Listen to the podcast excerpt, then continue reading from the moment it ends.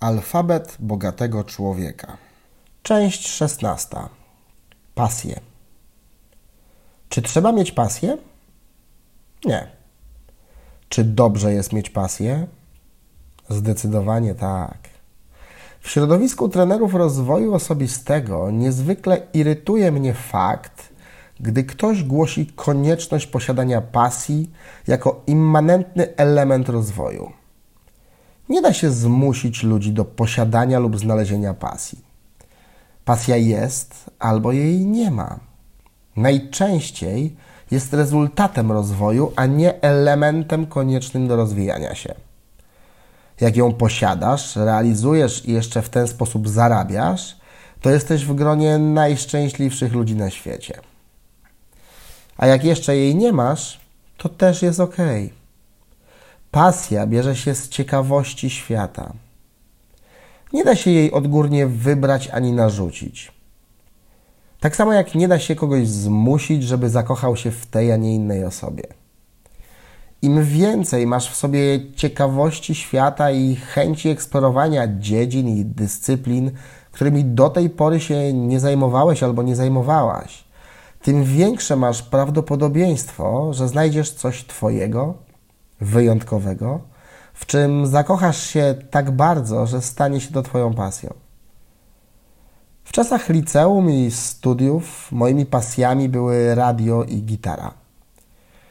W graniu na gitarze zakochałem się od pierwszych wakacji i pierwszego spędzonego wieczoru przy ognisku, przy dźwiękach wydobywających się z pudła rezonansowego. Pasja przerodziła się w stworzenie zespołu coverowego, w którym przez jakiś czas grałem aż do wyjazdu na studia za granicą. Przygoda z radiem zaczęła się od wizyty w studenckiej rozgłośni w Łodzi. Tych pasji nie było, dopóki ich nie spróbowałem.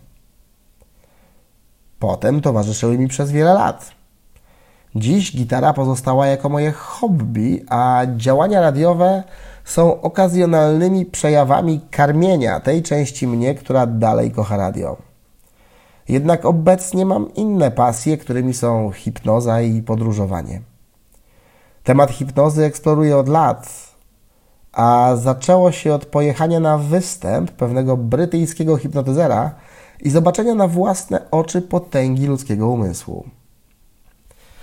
Dzisiaj media określają mnie mianem najbardziej znanego hipnotyzera w Polsce, a praca z hipnozą jest moim podstawowym źródłem utrzymania i zarabiania. Miłość do podróżowania od kilku lat owocuje odwiedzaniem przynajmniej czterech krajów rocznie. Zrodziła się w 2004 roku, gdy po wejściu Polski do Unii Europejskiej wraz z kumplem pojechaliśmy kompletnie nieprzygotowani szukać kariery w Holandii. Tych pasji nie było, dopóki ich nie skosztowałem. Dopiero doświadczenie przerodziło się w kiełkujące i narastające zafascynowanie i zaangażowanie. Nie da się wymusić pasji. Nie musisz jej mieć. Fantastycznie, jeżeli ją masz. A jeśli nie, to podchodź z ciekawością do okazji próbowania różnych rzeczy, które podsuwa ci życie. Pasja przyjdzie.